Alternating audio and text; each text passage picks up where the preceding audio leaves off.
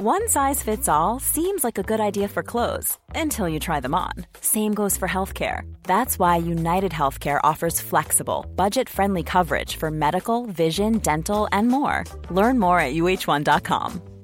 Life is full of awesome what ifs, and some not so much, like unexpected medical costs. That's why United Healthcare provides Health Protector Guard fixed indemnity insurance plans to supplement your primary plan and help manage out of pocket costs. Learn more at uh1.com. There's never been a faster or easier way to start your weight loss journey than with PlushCare. PlushCare accepts most insurance plans and gives you online access to board-certified physicians who can prescribe FDA-approved weight loss medications like Wigovi and Zepbound for those who qualify. Take charge of your health and speak with a board-certified physician about a weight loss plan that's right for you. Get started today at plushcare.com slash weight loss. That's plushcare.com slash weight loss. plushcare.com slash weight loss.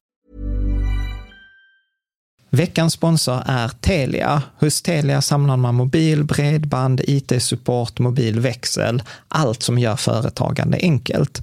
Och det är just det här att samla allt på ett ställe, att ha någon att vända sig till när det inte fungerar, det är Telia. Ett exempel på vad som inte är Telia, det är ju som när jag lyckas boka förmötet för en poddinspelning med Finansinspektionen till efter själva inspelningstillfället. Eller när jag här, här året var liksom, fick för mig att jag skulle börja springa, så jag är liksom ute och springer taggad, träffar en kompis som säger så du Jan, på måndag ska jag springa ett lopp. Och jag känner så här, ja men det låter inspirerande, så jag käkar pasta, jag byter om, tar mig ner till Malmö stadion för att göra en efteranmälan, står där i kön och sen så när jag liksom anmäler mig så tittar de på mig och säger så här, du Jan, vårhuset är bara till för kvinnor. Och eh, det var, det var typisk en situation som inte är Telia. Oavsett, ett stort tack till Telia som sponsrar, gör Rika Tillsammans möjligt, men framför allt tack till dig som lyssnar, följer och eh, hänger med oss varje vecka. Jag skulle säga att ingen människa har blivit framgångsrik på egen hand, utan det handlar väldigt ofta om människorna runt om en och framför allt i de tillfällen där man har lyckats missa och det har inte gått som man har tänkt sig och man behöver hjälp att hitta så här, vad var det som var mest fantastiskt med att det gick åt skogen? Du lyssnar på Rika Tillsammans-podden som handlar om allt som är roligt med privatekonomi. I den här podden får du varje vecka ta del av konkreta tips, råd, verktyg och inspiration för att ta ditt sparande och din privatekonomi till nästa nivå på ett enkelt sätt. Vi som gör den här podden heter Jan och Caroline Bolmesson. Idag är det dags för avsnitt 267 mm. och idag så blir det en fortsättning på avsnittet här om företagande, starta företag, som vi har då med vår eh, läsare och följare Monica. Mm. Och eh, detta liksom började ju som att Monica var så här, jag skulle vilja starta företag, jag har lite eh, frågor. Eh, och så brukar jag alltid på den typen av mejl svara så här, ja men återkom med frågor. Och då fick jag ett frågebatteri och så var jag så här, gud vilka bra frågor, detta kan bli ett kul avsnitt. Så att idag fortsätter vi där vi slutade förra gången. Man kan lyssna på detta avsnittet fristående, det är mm. inga problem. Men jag tror att eh, vi refererar en del tillbaka till det förra, så att om det, jag kan faktiskt rekommendera att man går tillbaka och lyssnar på det först. Men det är, jag skulle säga så här, målet när vi pratar om det, nu, nu har vi faktiskt spelat in avsnittet innan vi spelade in introt, så är det tips även för dig som har företag eh, och där är även tips för dig som faktiskt inte har företag, inte har tänkt starta på företag, utan hur man faktiskt kan tänka för att många av oss jobbar faktiskt i organisationer eller eh, i företag där man säljer eller där man har kunder eller där man liksom har den här typen av funderingar. Det är inget, företag är ju inget mystiskt. Nej. Det är egentligen människor som löser ett problem eller skapar en produkt eller erbjuder en tjänst till någon annan. Mm. Så jag vill inte så att någon ska vara så här, ah, men jag har inte tänkt starta företag, då skiter jag i detta avsnittet. Nej, tvärtom så skulle jag kunna säga att mycket av det i detta avsnittet är kanske till och med sånt som till exempel cheferna, din chef tänker, och ett sätt som man faktiskt skulle kunna använda för att exempel höja sin egen lön mm. eh, kring de här resonemangen. Och sen så pratar vi ganska mycket den emotionella sidan, liksom personlig utveckling, våga, våga misslyckas. Inom Prat företagande. Ja, ja, Vi pratar ganska mycket om våga misslyckas idag. Mm. Eh, och det är också generellt oavsett. Generellt, ja. Inte bara i företagande. Nej, utan i, i, i livet. Tog du med dig någonting? Eh, Ja, men Monica hade, hade många bra frågor. Det var jättekul att prata om den emotionella sidan ja, av eh, företagande och livet. ja. Det var precis. jättekul. Ja. Men jag tyckte också det var roligt att vi pratade både framgångsfaktorer, misslyckande, råd till sig själv. eh, Ja. Eh, och sen pratar vi också sånt som jag kan tycka är så här, skatt, skillnaden, hur, hur ett företag faktiskt kan hjälpa ens privatekonomi, Mm. varför jag rekommenderat alla att man borde ha ett företag och att det är inte så himla farligt, alltså riskerna, folk tänker ibland så här, shit, risken med företag är jättestor, så bara nej, det är den inte. Mm. Liksom. Så att det är lite, lite annorlunda avsnitt, men det är sådana här avsnitt jag älskar, där det blir liksom så här, nej, men frågor som, som dyker upp och detta är frågor som vi har haft i forumet också, så att jag brukar rekommendera liksom besöka Riket Tillsammans-forumet också. Mm. Bara gå in på Riket Tillsammans och trycka forum. Snyggt! Jag tänker vi behöver inte göra det svårare än så här, utan Nej. vi släpper på eh, Monica här. Så, då är vi tillbaka, eh, Monica, eh, och så ska vi fortsätta prata om företagande och, och liksom hur man kan starta företag, hur man kan tänka. Eh, och du, det här är faktiskt en grej som vi, jag insåg att jag behöver be om ursäkt för sen sist. Och det var ju, Karo kom till mig efter vår inspelning och sa, ja men det var ju jättebra och sånt, men Jan, alltså vad är det Monica ska starta företag? Du har inte frågat. Och jag så- har inte och frågat. Och jag var så här, jag trodde att ni redan hade pratat om det. Jag bara, nej det har vi inte. vad är det du vill göra? Berätta. Jag måste faktiskt säga att jag tyckte det var ganska skönt att inte behöva prata om det. Em, men jag håller på att utbilda mig till wellness coach. Ah, Eh, holistisk, jag vill jobba inom holistisk hälsa och eh, egentligen, jag har en historik av eh, både när jag var yngre så hade jag ätstörningar och sen ledde det till eh, depression och överprestation och en massa ja, psykiska och mentala problem. Och Ja. eh, jag vill egentligen hjälpa andra med liknande, liknande Ja. problem. Framförallt kanske överambitiösa tjejer som strävar för perfektion. ja, ja. Jag kan, säga, jag, kan, jag, kan säga, jag kan säga så att det finns vissa av oss killar som också är sådär.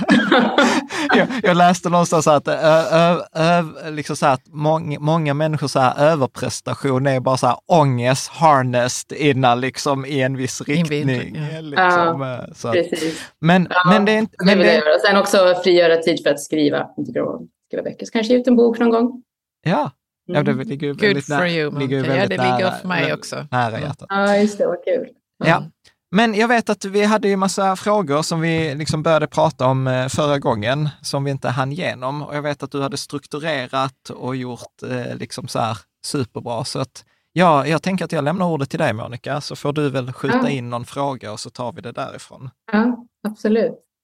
Ehm, eh, när jag reflekterade över förra veckans eh, disku, diskussion eller samtal så var det en sak som slog mig att så här, absolut att man kan ha osäkerheter och inte veta rent tekniskt så här, vart hur man ska gå tillväga eller hur bokföringen funkar eller sådär. Men det, det som verkligen slog mig, det, det stora är ju mindset. Det är, liksom, det, är där, det är där det ligger. Så jag tänker vi kan börja, börja där idag, även om jag också har lite mer tekniska frågor. Ja. Så ni som har gjort det här ett tag, eh, Ja. kanske eh, när ni spelar in era poddar och så där så är det ju alltid liksom med supermycket energi och så där. Men vad gör man de dagar när man inte kanske har inspiration eller motivation eller när man har misslyckats med ett projekt eller produkt eller lansering? Eller ja, när det går liksom dåligt. Ja. Mm. Hur, De dagarna finns ju. Ja, absolut. Eh, Men jag, jag testar, så får du, du får Ja. fundera Mm. och så får du säga klo- facit medan jag, jag pratar på. Nej, men jag tänker att det som verkligen har varit en framgångsfaktor i vårt liv, är, eller i mitt liv när det gäller de här frågorna, är, är att jag har haft fantastiska människor runt mig.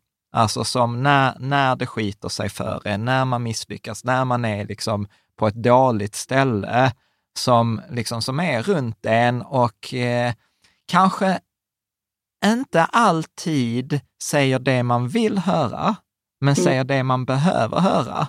Och, eh, och som ett sånt typiskt exempel, ibland är det liksom så här, det är klart man kan få empati, men ibland så har jag liksom fått reaktion så här, grattis att det har gått åt helvete, låt oss fira nu att det har gått åt skogen.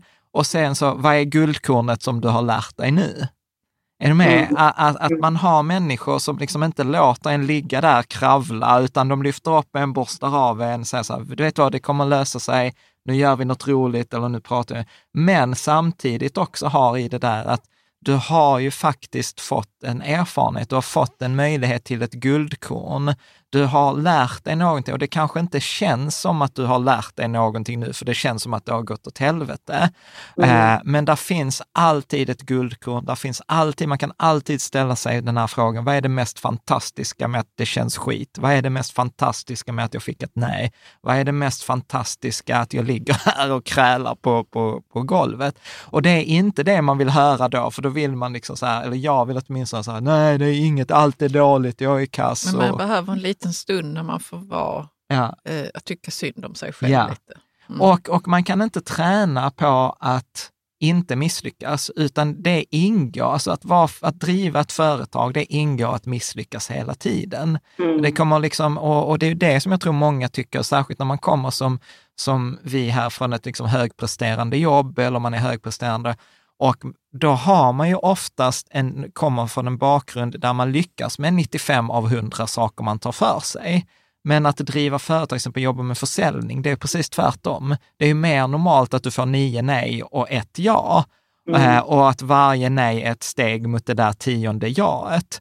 Så att Mm. där tror jag att, att, att ett stort skifte för många som kommer från en miljö du vet, där man lyckas hela tiden, att, att skifta det här, att säga att det är inte ett misslyckande, utan och, och, och då får man hitta sina sayings. Och ett sånt saying som jag har till mig själv är att allt som händer är en träning inför något som komma ska. Så att ja, men jag har misslyckats här för jag ska lära mig någonting så att jag är redo till nästa match.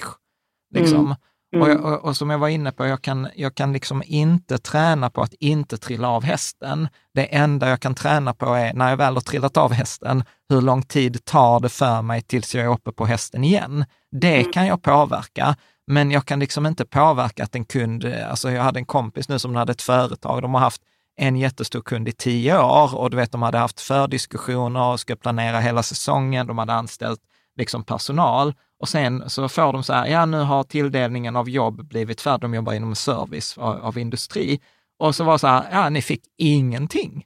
Alltså de fick, de fick liksom från att så att 80 procent av omsättningen så fick de till nästa så ingenting. Och det var ju liksom hela företaget höll ju på att gå omkull. Liksom, Så Mm. att det var ju liksom panik på riktigt. Och sen så var det så här, ja men perfekt, liksom efter att ja, men vi fick en möjlighet att diversifiera, vi fick göra omorganisation och så här. Och sen det roliga var, liksom 11 månader senare så kom den här kunden tillbaka, så här, ja vi testade en annan leverantör och det funkade inte alls, så kan ni komma tillbaka? liksom. Mm. Eh, Och då har de ändå gjort en utvecklingsrunda Ja. kan man säga Ja. för sig själva. Ja. ja, Så de har gått plus ur det. Ja. Liksom. Så att jag, jag tror, jag, jag skulle, om jag skulle sammanfatta så här, se det som att det är, du har inte misslyckats, du har lyckats missa. Och har du lyckats missa så antar det ändå att då har du sparkat bollen på mål, du har försökt och där finns alltid en lärdom. Mm. Eh, och sen det andra, ha, ha människor runt om dig, liksom andra företagare eller andra människor. En, och har du inte det, som liksom skaffa en coach eller en mentor eller någon som inte kommer liksom säga så här, nej, vad var det jag sa, du skulle inte driva företag, varför har du inte ett vanligt jobb? Utan någon som liksom hjälper dig med rörelsen framåt. Mm. Det, det tror jag är superviktigt. Eh, är det något du vill lägga till, Karo? Nej, men jag, jag håller helt med dig. Ja. Och ehm, jag, det, man kan träna upp det också. Att uh, reframa ett Ja. misslyckande Ja. som att uh, det, ja, okej, det var ett, ett road bump. Liksom. Vad var det nu som hände här? Alltså, det är ju en framgångsfaktor. Ja. Att, titta på, att våga titta på misslyckandet och se vad som hände och vad man fick ut av Ja. vad som hände. Det gör ju liksom flygbolag och alla möjliga. Liksom, för, att, Ja, after för där är review. det liv och död som gäller. Ja. Mm. Så det, Mm. man kan öva sig på det och träna upp det. Ja, Att och- det, inte är, det kan ta känslomässigt på Ja. en.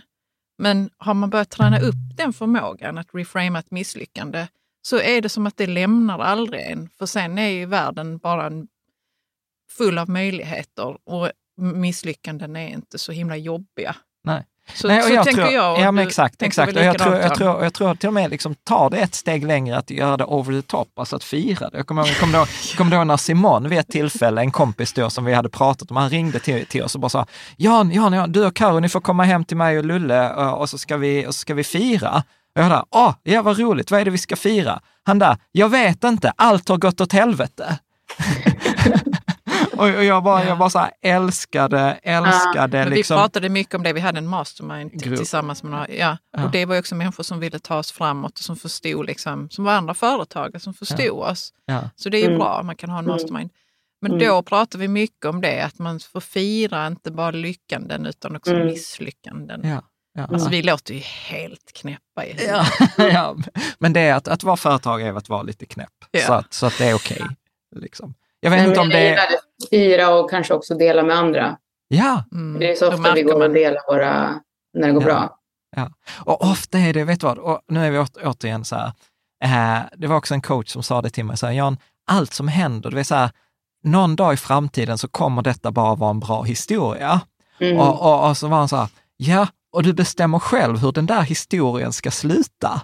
Mm. Så när man ligger där på golvet, vet du, du har starten på en sjukt bra historia och nu är det liksom så här, nu får du ju avgöra hur vill du att den här historien ska sluta. Mm. Liksom, alla historier har ju alltid så här, liksom, ja du är hjälten, någonting har hänt, ett problem och nu är det liksom upp i liksom the hero's journey att lösa det här problemet. Alltså det var ju någonting som jag lärde mig på en kurs, för jag jobbar mycket med storytelling Ja. som ett verktyg för att leverera budskap. Mm. Och så var den här mannen då, Eric Edmeades, han berättade om när han hade varit på semester i eh, Namibia eller något sånt. Han hade jättemycket film och foton och, som han hade laddat in i sin dator. Och, eh, från när han hade varit med Bushman tillsammans med sin fru. Och sen så hade de då lastat in alltihopa i sin jeep och gått och ätit lunch. Och sen var det stulet alltihopa. Alltså alla de hade inte ens mobiltelefonerna liksom med sig in på lunchrestaurangen. Och frun stod och grät och han bara, okej, hur ska denna historien sluta? Ja. Det slutade ju med att de bestämde att de skulle ha en bra semester för att de hade inget som störde dem. Och de hade ju ändå sina minnen. De hade inte fotona, de hade inte filmerna. Ja. Men alltså, de bestämde att det skulle vara en bra semester i alla fall. Ja. Mm. Och jag kan tänka mig ändå att det var några tårar innan dess kanske. Ja, men såklart. Och sen blev det en bra story, det blev en utbildning. Alltså så här, du vet, man bygger på det där. Så att, Mm. nej, men jag håller med. Liksom att, att Det var en bra en, fråga Monica. en mind, mindset, Alltså- eh, mindset is everything. Mm. Alltså Mm. det, det är Mm. skitviktigt. Och särskilt, särskilt om man kommer från en miljö där man är van att lyckas. Mm. Det, det, det, men det är där den, som vi pratade sist, den personliga växten kommer. Mm. Precis. Mm. Ja, perfekt. Tack. Um, om vi fortsätter på misslyckande. Hur, eh, eh, som jag har förstått det, eller som jag ser det, så handlar företaget kanske mycket om try and fail, try and fail. Att en idé kanske inte lyckas första gången. Men det är just att uthålligheten att inte ge upp som är liksom, precis som vi pratade om grejer.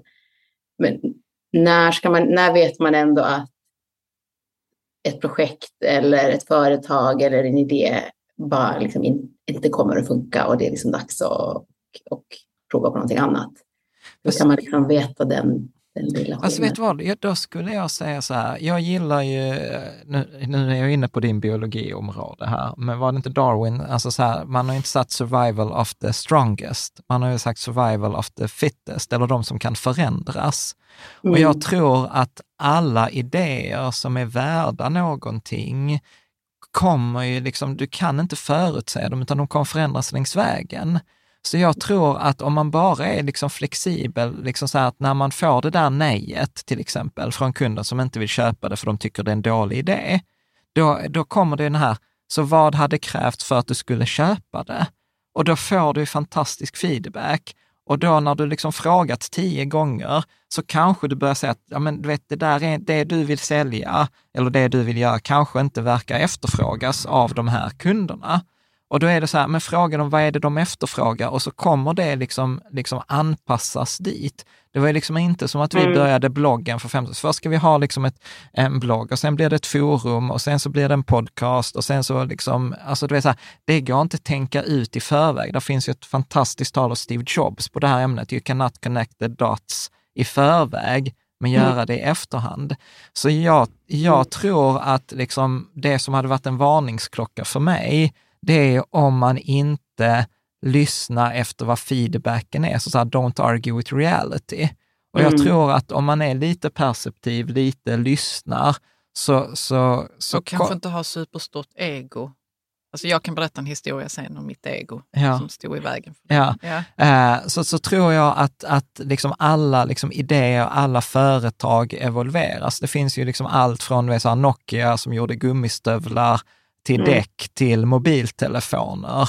Och där finns liksom historia om det här med Play-Doh som varandra föräldrar känner till, liksom som först var liksom ett kolbolag och sen så blev det liksom tvål och sen så funkar inte tvålen och så gjorde de det till liksom en massa på liksom väggen för att isolera väggar för att sen bli liksom Play-Doh, den här degen som liksom barn leker med. Så att jag tror att det handlar om att, att vara perceptiv och Mm. lyssna. Vad är, det, vad är det som vill hända? Vad är det universum vill säga? Och funkar inte den strategin, ja, men liksom så här, prata, liksom sätt en gräns för en själv. Att, ja, men jag ger detta tre månader, min fulla kapacitet. Funkar det inte efter tre månader, ja, men bra, då får jag väl testa något annat. Så man kan liksom hitta, man kan styra det själv också. Så Mm. brukar jag göra ibland, så här att ja, men nu ger jag detta projektet tre månader. Har det inte lyft efter tre månader, får jag väl göra något annat. Men, Mm. men jag upplever att det, liksom, det kommer ganska naturligt. Det har aldrig varit ett problem. Liksom. Mm. Vad skulle du Mm. säga kring ego? Ja. Jo, men precis som Jan säger, att man är perceptiv och tar in de signalerna man får och inte hatar feedbacken. jag, jag skulle ju lära forskare att kommunicera och jag hade verktyg för det. Och ett av de verktygen var hur TED-talarna liksom lägger upp sina tal. För det finns liksom en typ som en mall, lite omedveten mall. Och så hörde jag i korridoren på universitetet någon forskare som ondgjorde sig över det här och bara, ska vi, ska vi göra forskare till TED-talare nu? Och så liksom gick jag hem med det och grät på din axel Jan och bara, så jävla taskig. och sen nu då flera år senare så tänker jag så här, shit alltså jag borde ju gått och pratat med den här forskaren och bara frågat så, men vad vill du? Vad tänker du att vi behöver då? Ja. Istället, berätta för Mm. mig, jag vill höra. Mm. Eh, Men mitt ego tog en smäll och eh, alltså det tog lång tid för mig att liksom komma Ja. ur det. Ja. Mm. Återigen, så här, personliga växten. Eh, Personliga Den, växten. den ja. är, Mm. och det, det är ju det som man behöver liksom gilla. Liksom. Mm. Och många gånger så handlar det mer om mod än kunskap, brukar jag säga till exempel. Mm. Det handlar, mod, mod är mycket viktigare än kunskap Mm. i, när det gäller företagande, absolut. Mm. Verkligen. Och våga titta på sin sårbarhet. Ja, och, och grejen är också, många har ju helt missuppfattat sårbarhet, som tror så att om man visar sig sårbar så kommer andra utnyttja det. Och jag säger nej, nej, nej, nej, det funkar tvärtom. Mm. Att liksom när du visar dig sårbar, och liksom så här, då blir du ju starkare, för du ger dessutom andra möjligheten att också visa sig sårbara. Och då Mm. kan man liksom prata om det som, det som är viktigt. Mm. Och där har vi liksom, Brené Brown har ett fantastiskt TED-talk på det ämnet. En och en bok. Liksom, så att Mm. det, det, det kan vi göra en annan podd om. Fantastiskt ämne. Mm. Det är Liksom. Nej, och det är faktiskt det är lite grunden till min affärsidé, varför jag Mm. vill starta. För att jag har märkt att när jag delar mina erfarenheter så hjälper andra. Mm. Folk bara, gud, shit. Så det ja, Ja, och särskilt från den, liksom, som att komma från en högpresterande miljö, där det är väldigt, väldigt ovanligt att visa sig sårbar. För där ska man ju vara liksom riddaren, liksom springa med, med flaggan och, och liksom prestera. Ja, ja. ja, men exakt. Mm. Ehm, jag också kom på när jag reflekterade att jag faktiskt inte har frågat så mycket om ert företagande, er företagsresa. Men eh, så ni kanske, det som jag främst är intresserad av, vad var visionen, eller fanns det någon vision när ni började? Och lite så här, sk- skulle ni ha, liksom, med facit i hand, vad hade ni gjort annorlunda? Om jag, om jag börjar. Jag igen. Så, alltså så här, jag började min, min, min företagsresa startade när jag var på universitetet 2003 som studentkonsult. Och då var jag uthyrd och skulle undervisa i programmering och eh, liksom så här, när man är ingenjör så lär man sig räkna. Och då, då insåg jag plötsligt, vänta här nu, de skickar en faktura på 500 kronor till det här andra liksom stället och jag får 150. Där är någonstans 350 kronor försvinner och, de är inte, och det är inte i min ficka. Så det var min första insikt. Och min andra insikt är så här, jag gillar teknikprylar. Och så var det någon som sa så här, om du har företag så kan du köpa dem utan moms och för halva priset. Och för mig var det så här, shit, då får jag ju dubbelt så mycket teknikprylar för samma peng. Så jag startade faktiskt, jag hade ingen vision, utan för mig var det, jag var så här, fan jag kan få rabatt när jag köper teknikprylar. Sen var det ingen som berättade för mig att man behövde tjäna pengar till företaget också för att få dra av den här momsen och för att få använda de där oskattade pengarna. Eh, så att jag hade ingen stor vision, ingen så här, åh jag ska förändra världen, för mig var det en ren, ren sån här grej.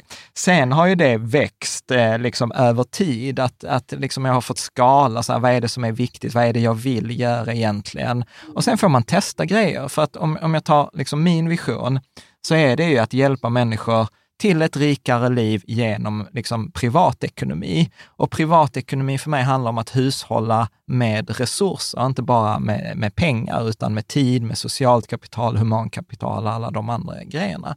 Och, och då finns till exempel vissa saker som till exempel så här, rådgivning. Man skulle, jag skulle kunna vara finansiell rådgivare. Jag har testat det, insett det är inte min grej. Det passar inte mina värderingar, det är för ineffektivt i min värld. Okej, okay, mm. då kunde jag liksom stryka den. Sen mm. testade jag, liksom, vi gjorde så här saminvestering, att vi gick ihop flera hundra personer, vi investerade pengar. Du vet, vi hade ett tag förra december, då, december 2021, du vet, då hade vi 1,4 miljarder i den här liksom, strukturen tillsammans. Mm. Och jag insåg också så här, detta är inte min grej, för att när det gick bra så kände jag så här, gud vad skönt, för det var det som var målet. Men så fort det började gå dåligt så kände jag nästan ett behov att jag var tvungen att ringa varje person och be om ursäkt att det gick dåligt. Att kursen hade gått ner lite. Och, och då var det dessutom utanför min påverkan, för att det var inte som att företaget hade någon verksamhet, det var bara att äga en an, ett annat företag. Mm. Och, och, och då insåg jag så här, nej, jag, jag klarar inte att förvalta pengar för att jag tar det alldeles för personligt. Med? Så, att, så att jag tror att, eh, liksom, om jag tittar på mitt företagande, har det varit väldigt mycket så här, testa och utvärdera. Detta, detta var kul, detta var inte alls roligt. Till exempel forumet nu som vi har och communityn, jag älskar det. Det är så här, jag kom till sushi-stället och sa så här, men det, vi, vi har lång väntetid, 20 minuter innan du får din sushi. Jag var inga problem, tog fram telefonen in i forumet och sen var 20 minuter borta. Mm. Med. Så, att, så att jag tror att när vi pratar just det här livsstilsföretag, så nej, jag har inte haft någon då jag ska förändra liksom bilbranschen med elbilar eller du vet så här, nej, nej.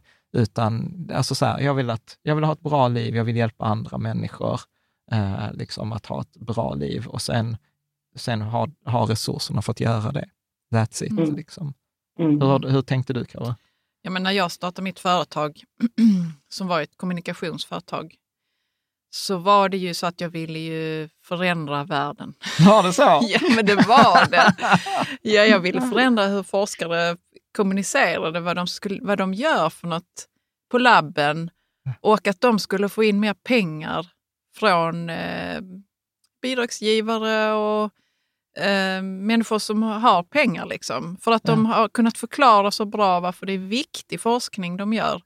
Och det hade jag nog kunnat ta rätt långt Alltså jag hade nog säkert kunnat hjälpa du vet, forskare ja. som ska men, prata men, Men du jobbar inte så mycket med det nu? Jag jobbar inte så mycket med det nu. Nej, för att vi började prata om, när jag då jobbade på universitetet samtidigt som kommunikations, eh, forskningskommunikatör, så började du och jag prata om att jag skulle, vi skulle jobba tillsammans. Ja. Och då var det också så att vi hade liksom mindre barn. För mig var det ett bättre liv ja. än att förändra världen. Ja. Och det låter kanske lite sorgligt, men jag, har, jag tycker att mitt liv är jättebra. Ja. Jag behöver inte förändra världen längre. Nej. Och för mig har det varit, eh, alltså det har varit en stress mm. att eh, tro att jag ska... Att man måste ha den här stora visionen. Att man måste ha den stora visionen och så.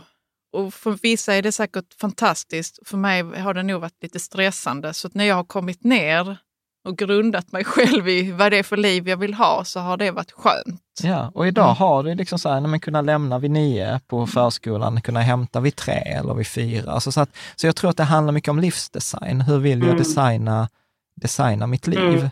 Och det behöver liksom, jag, jag, ja, återigen, detta är inte sanningen. Detta är ett mm. sätt hur man kan säga, och, och, och, som, som vi pratade om förra gången också, att vi driver ett väldigt speciellt typ av företag. Det är ju mycket livsstils eh, Mm. liksom företag. Eh, men om man ska titta på det mer från ett managementkonsulthåll, eh, så brukar jag säga att de bästa affärsidéerna, de kommer ju, de har ju sin grund i en svordom. Att, att det låter liksom så här, fan, Mm. hur kommer det sig att, och då till exempel jag har en kompis i, i morse pratade så här, man skulle fan haft en hantverkarfirma och bara ha som affärsidé, vi kommer i tid, vi gör det vi säger, vi förklarar vad det är och vi städar efter oss. Och, och det, kom, ja, och det kommer ju från svordomen, så här, man vet inte när hantverkare kommer, man fattar inte riktigt vad de gör eh, och du vet, man avsätter hela dagen och sen, ja men du fattar. Så Mm. där är en svordom kring, Mm. kring det där. Och Ja, sam- jag hade en svordom när jag startade mitt företag. Det var ju så, varför vill ingen lyssna på mig på en fest? ja. Varför går de bara iväg när jag ska berätta om min forskning? Vad fan? ja. Ja, ja. Och, och, och för mig var det också så här, men det är liksom så här, fan, vem är, vem är liksom ute efter att hjälpa mig? Att jag kände mig ensam när jag, med med ekonomi. ekonomi. Mm. Liksom, hur ska jag Mm. investera mina pengar? Vem är ute efter att hjälpa mig? Utan det kändes när man gick till en finansiell rådgivare så kändes det som att de hade tre frågor som var så här, hur mycket pengar har du? Var har du dem? Och hur mycket av dem kan jag få?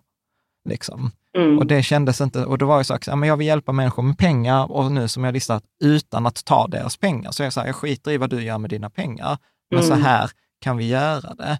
Och Mm. nu idag så är, liksom, ska jag säga, Rika Tillsammans är en community för människor som är intresserade av sin privatekonomi och vill hjälpas åt. Mm. Liksom. Men Mm. det har också liksom så här, det har ju tagit 15 år att lista ut. Så Mm. man behöver liksom inte vara så här, som man säger så här, när du ska starta företag, gör en affärsplan på 21 sidor. Vad är din vision? Vad är din eh, affärsplan och sånt? Ja, men Men kan man inte göra det, John? Bara för att liksom tydliggöra för sig själv lite var man står just nu. alltså jag För tror att att jag är har för- ändå skrivit ner och tänkt och så, och då har det ändå tydliggjort för mig. Men jag har inte skrivit den för någon annan. Nej, om det hjälper, gör det. Om det inte stöttar det, gör det inte. Det, finns, det viktigaste här är, det finns inget rätt svar. Mm. Och den är inte beständig heller. Om man har skrivit en affärsplan så är det ju så att det kan Nej. förändras. Nej. Mm. Och, och, och, och sen ska man definitivt inte ta feedback från andra som inte har gjort samma sak. Och definitivt inte från banken. Alltså, för där har jag ju till och med fått så här, vet, alltså jag drev, vi drev bloggen, jag tror i åtta år, och sen skulle vi bara liksom bolagisera den, sätta den i ett eget bolag och så skulle jag öppna konto på Swedbank och så skrev jag så här, bedriv, och så ska man skriva så här, verksamhet, jag ska så här, bedriva bloggverksamhet. Och så fick jag tillbaka så här, nej men vi tror inte på den affärsidén. Jag, Det fanns inte att man var influencer då. Eller nej, och detta var, och detta var ändå så här 20 jag var så här, vi tror inte på den affärsidén. Och, och du vet, hade jag inte drivit blogg innan, så nej, nej, och du vet, banken är ändå en auktoritet. Och här var jag så här, vad i helvete, jag har drivit detta i åtta år i ett annat bolag, jag ska bara flytta det till en annan juridisk person. Alltså, är, är, du med? Så att, och då var det så här någon liksom äldre eh, ba bankperson som hade en åsikt om, om det där. Så att ta inte feedback från människor som inte är i den branschen eller har gjort det själva. För att många gånger så har de bara en ursäkt till varför det inte går och den handlar inte om dig, utan det är deras egen förklaring till varför de inte har gjort det själva. Uff. Liksom. Och det, ja, nu, detta Det var, var hårt tufft, ja, kanske, men, men blir det så att du liksom har haft en dröm att starta eget och du sen inte gjort det och sen kommer någon och säger så här, nu ska jag starta eget, ja, det blir ju sjukt provocerande. Liksom. Mm. Och då, Mm. då blir det ju liksom så här den här krabbeffekten. Eh, nu vet jag inte om detta är sant, men jag har hört det som metafor. Att sätter du liksom så här tio krabbor i en hink så behöver du knappt ha liksom någon, någon vägg. För de här krabborna eller kräftorna kommer liksom inte klättra ut för de kommer hålla tillbaka varandra. Eh, och, och, och så tror jag ibland att vi människor är. Och vi är inte det av illvilja. Det är väldigt viktigt att säga. Det är ingen som, liksom när jag startade företag, så sa min mamma, och detta var ju liksom så här, du vet, då höll jag på att avsluta min civilingenjörsutbildning. Och så var hon så här, ah, ah, liksom, nej men hur ska, hur ska du göra detta? Men, och sen så fångar hon sig ändå och så säger hon så här, men sen, sen så skaffar du dig ett riktigt jobb, eller hur? Och för mig blev det, jag blev jätteledsen. Liksom så här, jag har ingen stöttning i det där. Men hon säger ju det stående i, i sitt liv, där hon har varit lärare och kommunalt anställd i hela sitt liv, liksom, som är så här supersäkert, supertryggt. Och hon vill ju bara att det ska gå bra för mig. Och då kommer vi ge de råden som har funkat för oss själva. Vi tar Mm. liksom inte hänsyn till hur ser mina värderingar ut, hur ser mitt liv ut, hur ser mina drömmar ut, hur ser min livsväg ut? Utan Mm. när vi ger råd så ger vi dem alltid stående från där vi själva är. Och det är Mm. därför jag är så mån om att påpeka att ja, men det jag säger är inte någon sanning eller det enda sättet att driva företag, utan detta är ett sätt. Och det är dessutom ett sätt som är ganska nischat, som är ett liksom livsstilsföretag som liksom kommer att ta slut. När vi inte tycker det är kul så kommer det ta slut. Det kommer inte säljas, det kommer inte ges, ärvas av våra barn eller något liknande. Men det som du också säger Jan, det är att man står liksom på ett isflak där man är nu Ja, och där har man massa människor omkring sig. Och man ska över till ett annat isflak. ja, Och man vill ju ha kvar de människorna som inte har startat företag eller som tycker att du borde ha ett tryggt jobb bara sådär. Mm. För man tycker om dem, men man måste över till det andra isflaket där det an finns andra människor som säger andra saker också. ja, Så att, Mm. eh, precis som Jan säger, så får man ha lite empati med de som man är med nu. Men man måste också skaffa sig en ny, eh, ja. vad heter det, en En påverkansgrupp Ja. liksom, Mm. som kan hjälpa en till det här andra Ja, som har andra sanningar, som, Som som, har andra har andra sanningar, sanningar. Att det är roligt att driva företag, det är klart man ska göra det, det är lätt att tjäna pengar, det är roligt. Alltså som har andra. Och det handlar inte om att jag ska välja att jag inte har någon relation i min, i, med min mamma. Tvärtom var det någon som skrev på forumet häromdagen så här, ja, din mamma är ju som den tredje poddmedlemmen som aldrig är där. Eh, Men där är ju vissa saker där vi bara är överens om att vi har olika åsikter, vi kanske inte pratar om dem. För att Mm. det är liksom så här, företagande eller pengar eller trygghet, säkerhet. Så här, det är fine. Vi kan Mm. prata om andra saker. Vi kan åka till Frankrike och ha en fantastisk semester tillsammans med barn. Alltså så här. Mm. Mm. Mm. Så, så, att, eh, så att välj, så det skulle Mm. jag nog säga, som om, man skulle samma, om vi skulle sammanfatta detta så låter rubriken nog så här, välj aktivt och medvetet vilka människor du lyssnar på. Mm. Eh, och definitivt inte lyssna på dem på bank eller de som inte gör samma sak som du. Eh, Mm. De är inte auktoriteter. Liksom. Mm. Mm, verkligen. Jag gillar också lite grann det så här som att alltså, gräva där man står. Man behöver inte ha hela visionen eller planen eller alla steg klara. För det är så mycket annat i vårt samhälle där det är så. Men vad är planen? Vad, hur tänker du? Hur tänker du att det ska gå sen och Ja. sen? Och sen och... Verkligen, man ska vara så himla långsiktig och det Ja. kanske man inte alltid kan vara. Metaforen jag brukar använda är så här, att du vet när vi sätter oss i bilen, det är inte som att vi planerar för trafikljus nummer 13, även om vi vet att det kommer vara 13 trafikljus längs vägen, utan vi kör till det första trafikljuset och är det rött så stannar vi där. Är det grönt så kör vi. Jag, liksom, tänk om det var så att liksom så här, innan, nej men nu startar jag inte motorn förrän jag vet att alla 13 trafikljusen är gröna. Det är ju liksom inte så det funkar. Så sa jag det på en föreläsning, eh, så här, för ni provpackar väl inte bilen innan ni åker på semester? Och då är det naturligtvis en äldre dam som bara, jo, det gör jag visst. Eh, och det är det jag menar, att låt vissa saker, alltså det här att, det, liksom att man behöver vara anpassningsbar, man behöver vara lyhörd, man behöver säga, okej, men detta, detta trafikljuset här behöver jag nog ta hänsyn till, ja, men här Mm. kan jag köra nu. Här är det gult, Mm. ja men vi skarvar och då, då Mm. kör vi igenom. Och så Mm. ser man liksom. Mm. Mm. eh, Det jag också tänkte på lite här med att förändra världen. Jag Ibland har jag själv i alla fall tänkt att det ska vara så himla grandiost. Men bara kanske ditt exempel, Caroline. Om du, om du känner att om när du har tid med dina barn och du kan ta hand om familj och du kan ge all din energi som krävs till det. Det är kanske där du förändrar världen på Ja. bästa sätt egentligen. Ja, exakt. Det, ja. exakt. Ehm, mm. Superintressant. Eh, jag tänkte vi kanske skulle hoppa lite till tråkigare som skatt och lön och pension. Ehm, Så, om vi börjar så, med, ja, ja, shoot, shoot. nej, om vi börjar med, eh, med skatten. Eh, Ja. och det här är verkligen ett område som jag inte har. Eh, min pappa är väldigt intresserad av skatteplanering, men jag är inte i mitt liksom, främsta intresse.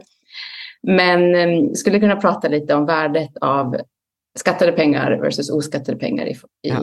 företag. Och, Ja. Ja, det kan du John. Ja, eh, och jag skulle säga, och här är det jätteviktigt det vi pratade om sist. Allt företagande börjar med försäljning. Alltså så att först måste det komma pengar in till företaget. Det, det är liksom regel nummer ett. Nej men alltså så här, jag, jag vet att vi mejlades lite om den här frågan och jag, jag är alltid så här, vågar man prata om den här frågan? För detta upplever jag är en av de stora hemligheterna i företagande, särskilt ja. i livsstilsföretag. Mm. För att i Sverige så är grundregeln så här. Allt som är till för inkomstens förvärvande är avdragsgillt. Så som företagare, allt du behöver, liksom alla inköp du behöver göra för att kunna skicka en faktura, får du dra av på på skatten. För då säger Skatteverket, du hade inte kunnat ha denna inkomsten om du inte hade denna utgiften. Mm. Är du mm. med? Mm. Så i, i, sin enklaste, i sin enklaste form så säger de liksom så här, okej, okay, men eh, jag, jag behöver en dator för att kunna göra mitt jobb, liksom till exempel. Eller om jag är massör, jag behöver en massagebrits. Då säger mm. Skatteverket, okej, okay, men du behöver en massagebrits för att kunna ta emot dina kunder och kunna massera dem. Med? Då är det en avdragsgill kostnad och då kommer du få dra av den. Eh, och det betyder att när du sen har haft kunder för 100 000, att du har skickat faktura för 100 000, är med? och så säger vi att den där britsen kostade 10 000. Då säger Skatteverket, titta, du har haft 100 000 i intäkter, du har 10 000 i utgifter, så då drar vi, eller kostnader, så drar vi av dem och så har du 90 000 kvar. Och det är de 90 000 som om vi inte hade gjort någonting mer så är det de du ska betala skatt på. Mm. Är du med? Så ett företag, väldigt enkelt, man har sina intäkter, sen har man sina kostnader och på det som blir över betalar man skatt. Är du med? Mm. Det är ganska, ganska logiskt. Ja. För privatpersoner så är det precis tvärtom. Och detta tror jag inte de flesta tänker på. För, för en privatperson, du har dina intäkter, du betalar skatt och sen har du alla dina kostnader. Mm. Är du med? Så att liksom pengarna i ett företag är mycket, mycket mer värda. Så om vi skulle dra detta liksom till sin extrem, så säg att du har 100 kronor i intäkt i företaget.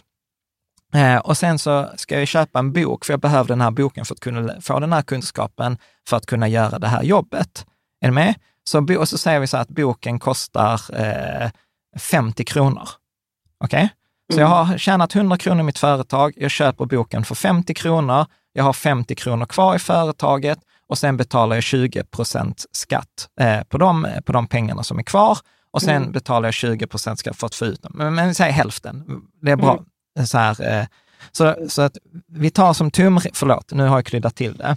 Tumregeln att få ut pengar från ett företag till sig privat är hälften. Så, så, så att vi tar räkneexemplet igen. Jag har 100 mm. kronor in till företaget, jag köper boken för 50 kronor, så har jag 50 kronor kvar i företaget och de tar jag ut och då får jag 25 kronor i handen. Så slutresultatet är att jag har en bok och jag har 25 kronor i handen. Mm. Är du med? Mm. Om vi tar samma exempel, fast för mig som privatperson, då har jag 100 kronor som jag tjänat, men jag betalar 30 kronor skatt. Mm. En med 30 procent skatt. Det betyder att jag har 70 kronor kvar. Jag köper samma bok för jag är intresserad av ämnet. Då har jag liksom 20 kronor kvar. Mm. Så jag har mindre pengar kvar än jag hade som företagare när jag köpte den där grejen med oskattade pengar. Mm.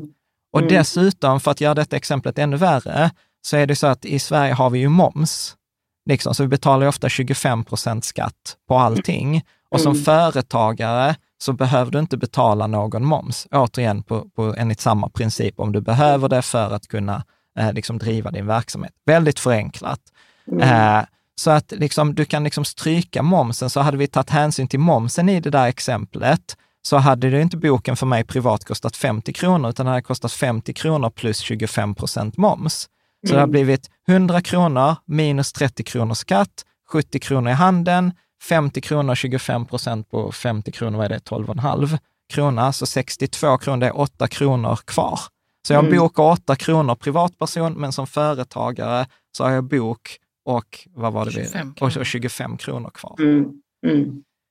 Och, och, och, och, den bara en gång. Ja, istället och, för. Ja, och har man då ett livsstilsföretag så blir det ju mycket att det man är intresserad av, det mm. tjänar mm. man ju pengar på och plötsligt förflyttas en hel del av de utgifter man annars hade haft privat, hamnar ju på företaget.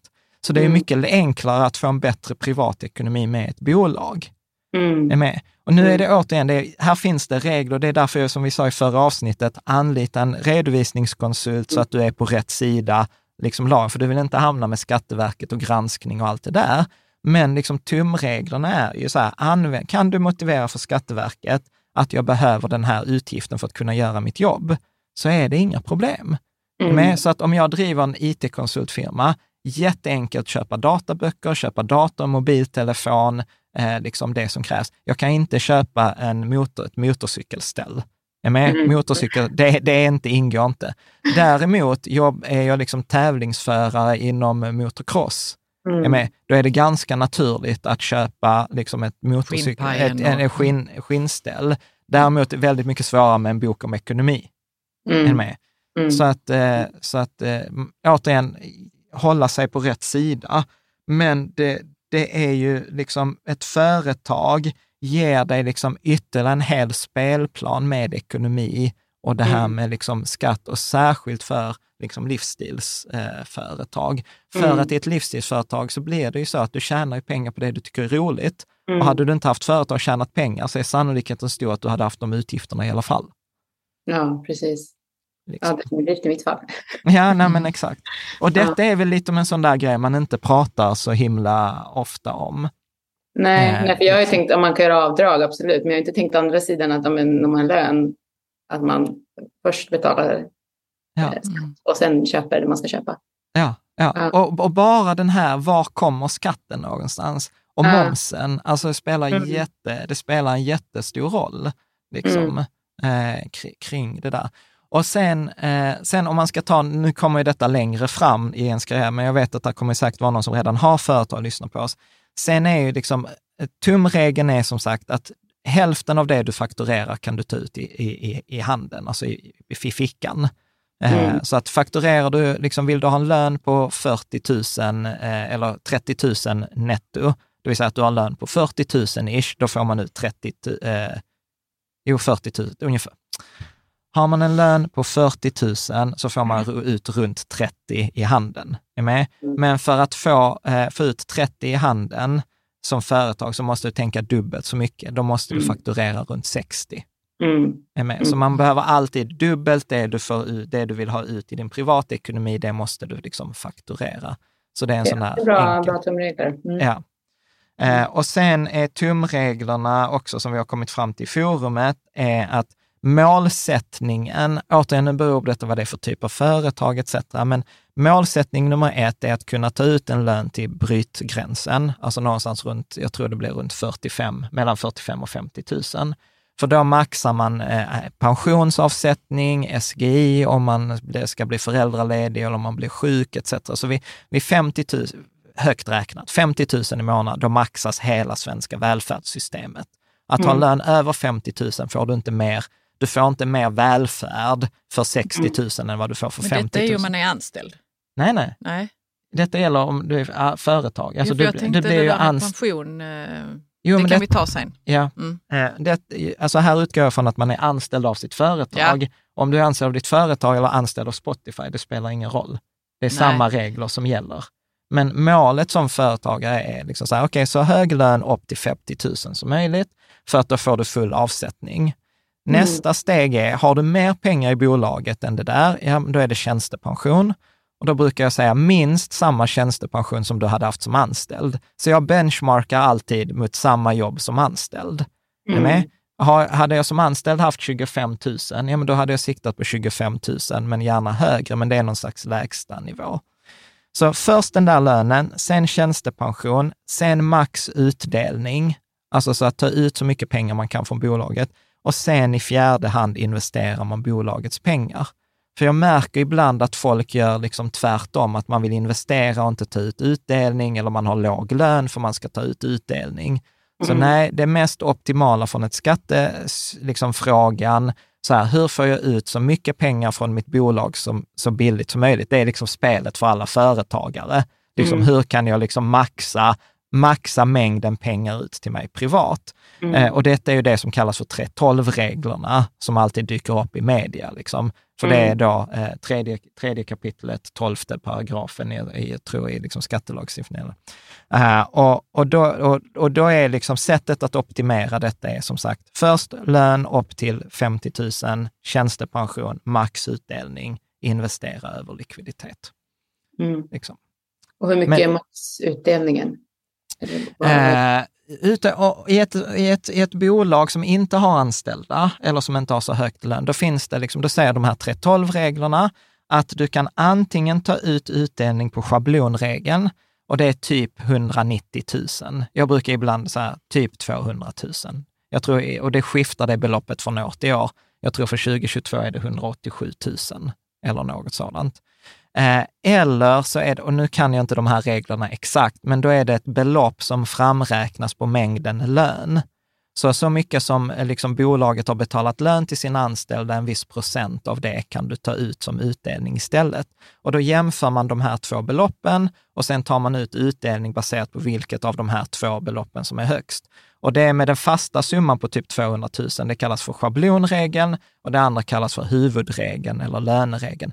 Men detta behöver man inte kunna själv, utan detta säger man till sin redovisningskonsult så här när, slut, när bokslutet är färdigt, så säger man så här, hur får jag ut mest pengar?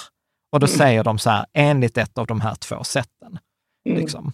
Sen finns det ett, ett kryphål i lagstiftningen, nu blir detta överkurs. Eh, Socialdemokraterna hatar det här, så det har varit uppe för att det ska förändras, så det är ingen hemlighet, det är inget vi har hittat på. Men om man har två bolag så kan man ta utdelning på schablonregeln i det ena och på huvudregeln i det andra.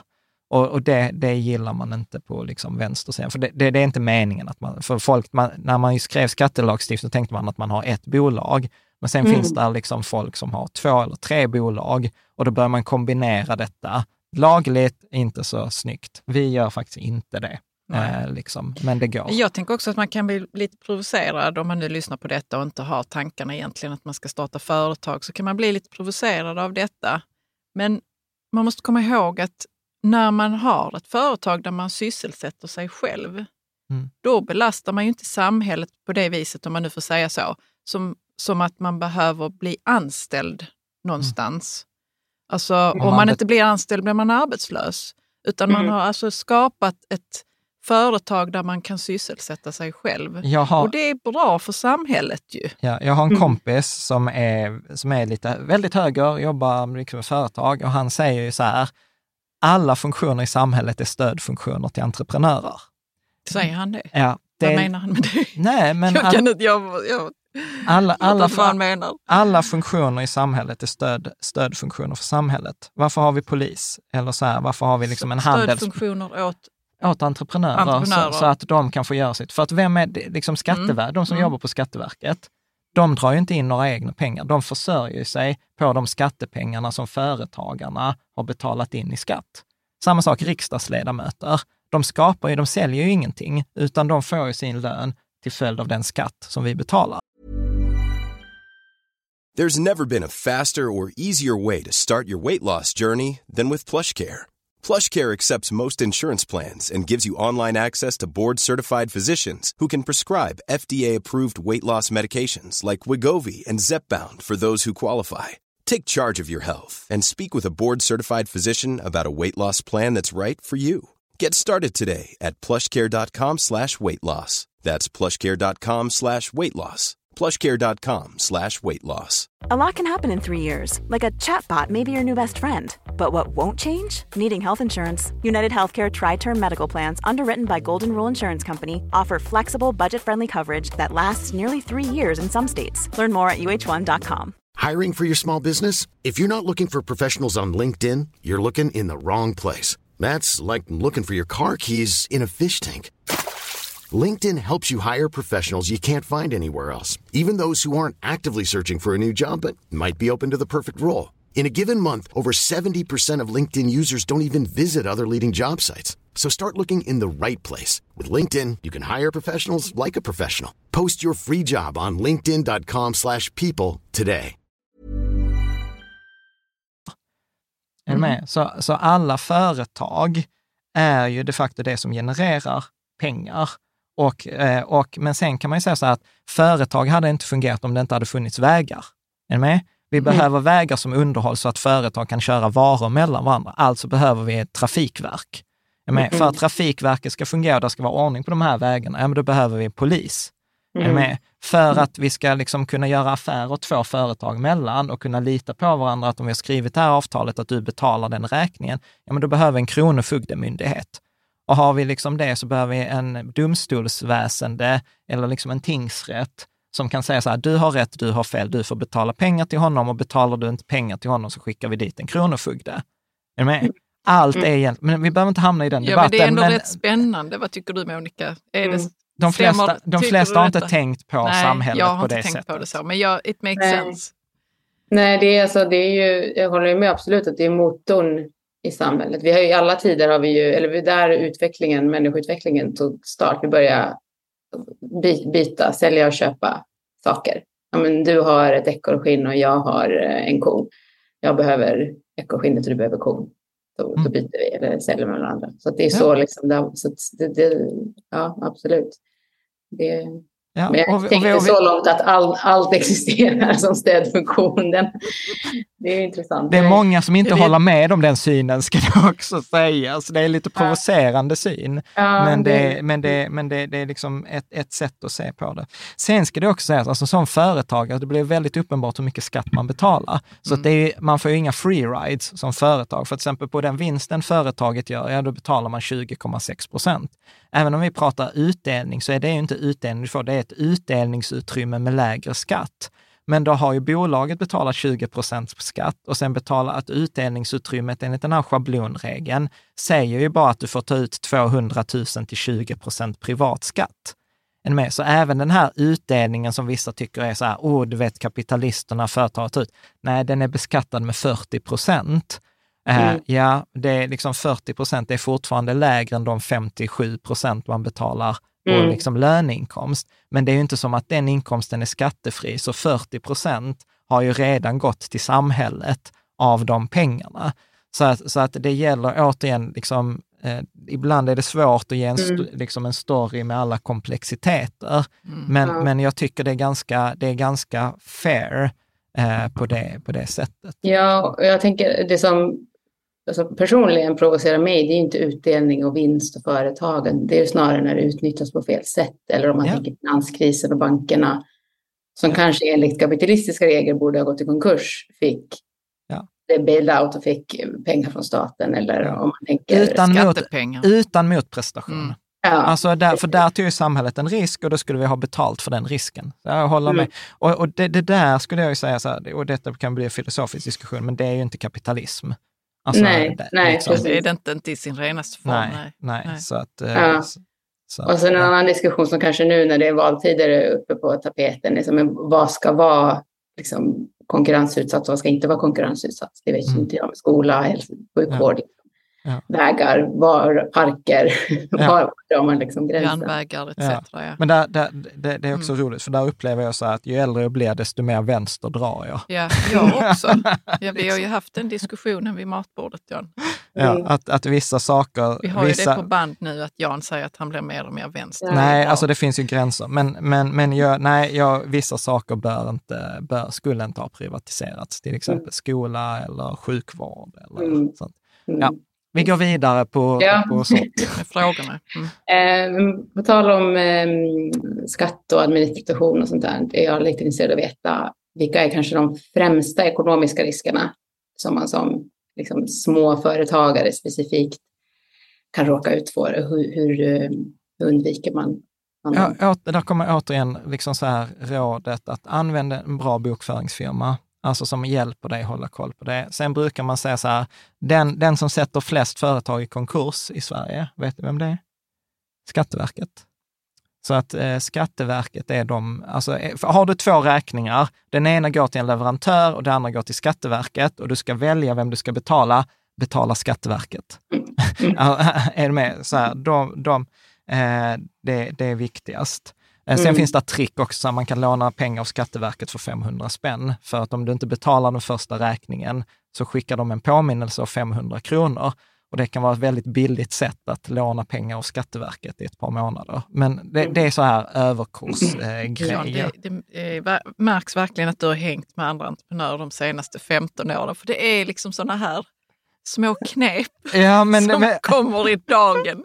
Ja, men det är så. Du vet, så här, vi hade ett företag som var så här, det var en kund som inte hade betalat sig pengar och så hade vi inte råd att betala in moms eller vad det var. Och så visste jag, så fan ska vi lösa, det- hur fan ska vi lösa detta? Och de, de andra var så här, ja, men vi, vi, kan, vi kan göra det och aktien, vi kan stå beredda om det är så. Så var vi så här, okej, okay, vi kommer få en påminnelse av Skatteverket, det kostar 500 spänn och sen får man 30 nya dagar. Eh, så lånade vi pengar av Skatteverket på det sättet. Mm. Men man ska veta vad man gör eh, om man gör en sån grej. Men jag skulle säga så här, att, att ta, alltså, om du fokuserar på att tjäna pengar först, alltså detta som vi var inne på förra veckan, sälj skinnet innan björnen är skjuten, så mm. upplever jag så att det mesta kommer eh, reda sig. Det som blir jobbigt, det är ofta när man drar på sig utgifter utan att ha sålt någonting. Alltså man mm. vet, skriver på ett långt kontrakt för ett kontor, eller man anställer folk innan man har liksom täckning för eh, liksom något uppdrag till dem. Alltså, är med, alltså den mm. typen att, eh, av risker eh, skulle jag säga att det är de, de värsta finansiella ris riskerna. Mm. Eh, mm. Att ta på sig liksom långa avtal, eh, ta på sig, utan där skulle jag, skulle jag gått in, att hade jag behövt ett kontor, då hade jag sagt till hyresvärden, så här, vet du vad, jag vill ha tre månader, vi testar.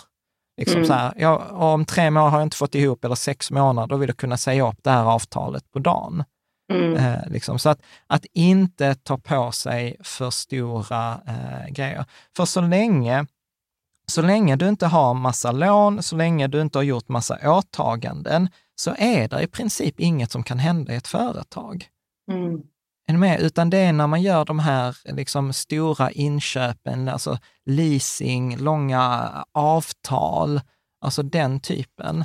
Och sen har du alltid skyddet i den juridiska personen, att så länge du har gjort detta, liksom, eh, följt vissa av de här reglerna som bokföringsfirman hjälper dig med, så är worst caset att du sätter företaget i konkurs. Och har man då gjort, uppfyllt alla steg så kommer inte det förfölja dig som privatperson. Mm. Och det är, ju det, det är ju det som samhället har sagt, så här, ja, men vi behöver de här entreprenörerna som tar risk, så därför har vi ett aktiebolag och det finns en mening i att mm. aktiebolagen är ett, en egen juridisk person, så att det ska kunna gå i konkurs utan att det drabbar liksom entreprenören och, och hennes eller hans familj. Mm. Mm. Liksom. Eh, och, och, då är det vissa sådana här regler som till exempel, okay, men om man märker, man sitter i styrelsen för sitt bolag, man märker att bolaget håller på att gå åt skogen och då har man definierat det inom liksom lagstiftningen så här när halva aktiekapitalet är förbrukat, då ska man upprätta en kontrollbalansräkning. Gör man inte själv, det gör redovisningsbyrån åt en. Och då är det typiskt en sån grej att har du kunnat se att företaget är på väg åt skogen, och du inte har upprättat en kontrollbalansräkning, då har du åsidosatt din skyldighet och då kan du bli personligt betalningsskyldig. Mm. Men så länge du har checkat så här, ja, du vet, vi såg att det höll på att gå åt helvete. Vi gjorde en kontrollbalansräkning, vi kontaktade de här personerna, vi höll det här och sen gick det inte längre. Då kommer konkursförvaltare och alla andra säga så här, ja, vi ser, du har uppfyllt alla regler, eh, shit happens, och, och de leverantörerna, eller de, ja, de tog en mm. risk när mm. de hade dig eh, som kund. Och det ingår i spelet företagande. Mm. Liksom. Mm. Eh, men då kan jag ju lita på att, att du har gjort alla de där grejerna, för har du agerat bedrägligt, ja då kommer du bli personligt skadeståndsskyldig. Mm. Men det är ju mm. där det är så viktigt, alltså så jag hela tiden återkommer till, ha den här bokföringsfirman som har varit med om det, för att det är ju de som liksom hjälper en och säger så här, du, nu borde du göra en kontrollbalansräkning, eller mm. här, du vet, så här måste du tänka liksom nu. Mm. Mm. Och alla de här tricken, eller så här grejerna, de är jättesvåra att lära sig i förväg, mm. utan ja. det är därför man behöver mm. någon som hjälper en. Mm. Nej, jag tycker det, det, och det där är väl kanske också en sån här klassisk grej som när man inte har gjort det, att man tänker Okej, okay, mm. men jag är inte anställd och har alla skydd som jag har där då. Mm. Och jag plötsligt är själv. Men man är ju inte som du säger själv och man har ju lagen, skydd ja. av lagen och det finns bolagsformer och ja, ja. allt det. Ja, det, och, och, och, så här, handen på hjärtat, det är lite sunt förnuft. Ja. Alltså så här, man går ju inte så här, ja men jag har en lön på 25 000, då går jag och köper en Porsche Taycan och en ny bostadsrätt. alltså så här, Nej, det är man, inte alltså förstå, alltså, och, det, och det är lite samma sak i, i, inom företagande. Mm. Börjar inte ditt företag med att låna två miljoner. Alltså, eh, liksom, det är inte... Det är vissa som gör det. ja, ja men, liksom. absolut. Det är, Eh, det är ju hushållning av resurser också. Ja, eller försöker. Liksom. Det, så att, så att ja. Sen, och sen så finns det ju alltid sen nyanser i, i det där. Mm. Att eh, när man sen har kommit, alltså så här, efter tio, liksom i 15 år, så har jag inte förstått värdet med jurister, kan jag säga. Liksom, så här, att jag har aldrig riktigt fattat vad jurister är bra för. Eh, Och sen för två år sedan när vi började göra de här liksom stora strukturerna med väldigt mycket pengar, så var jag så här, shit, nu, detta borde man ju göra rätt. Och plötsligt så då träffar jag också riktigt duktiga jurister och plötsligt fattar jag så här, nej men de sätter det där extra skyddsnätet. Alltså som Mm. var så här att, liksom så här, nej men du vet, okej om denna, för då sa jag till dem så här, jag vill ha det väldigt tydligt att jag kommer liksom fronta detta, jag kommer sköta detta, men om, om investeringen går åt helvete så vill jag inte att det drabbar min familj. Och då Mm. tar de till exempel så här, okej, men då får alla som investerade fick skriva på ett avtal. Där är så här, okej, jag fattar de här grejerna. Så att när, när företaget sen börjar bli större, ja då, då räcker det inte bara det här lagliga skyddet, utan då behöver man ju sen blanda in Mm. juridi, jurister, duktiga människor på det sättet. Mm. Men det blir ganska naturligt när man, när man kommer liksom till den nivån i sitt företag. Det är, så här, det är Det inget, inte förbi. direkt. nej, det är, inget du, förbi. det är inget du behöver göra i, i, i början. Och man kan återigen likställa det med privatpersoner.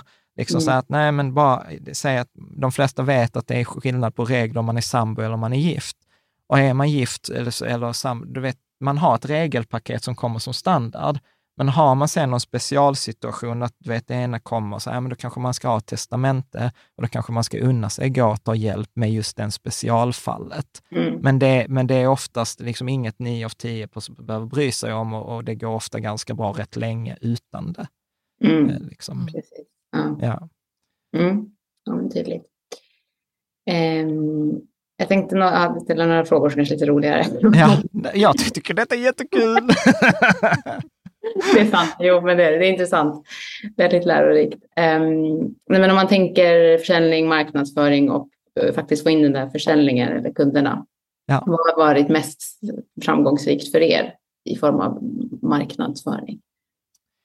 Eh, jag testar Karo, så får du skjuta Mm. in. För mig var det att, att övervinna rädslan för att få ett nej. Att, att kunna definiera försäljning som något positivt. Alltså när jag växte upp, återigen min mamma, tredje poddmedlem, vi får ha en sån maskot här.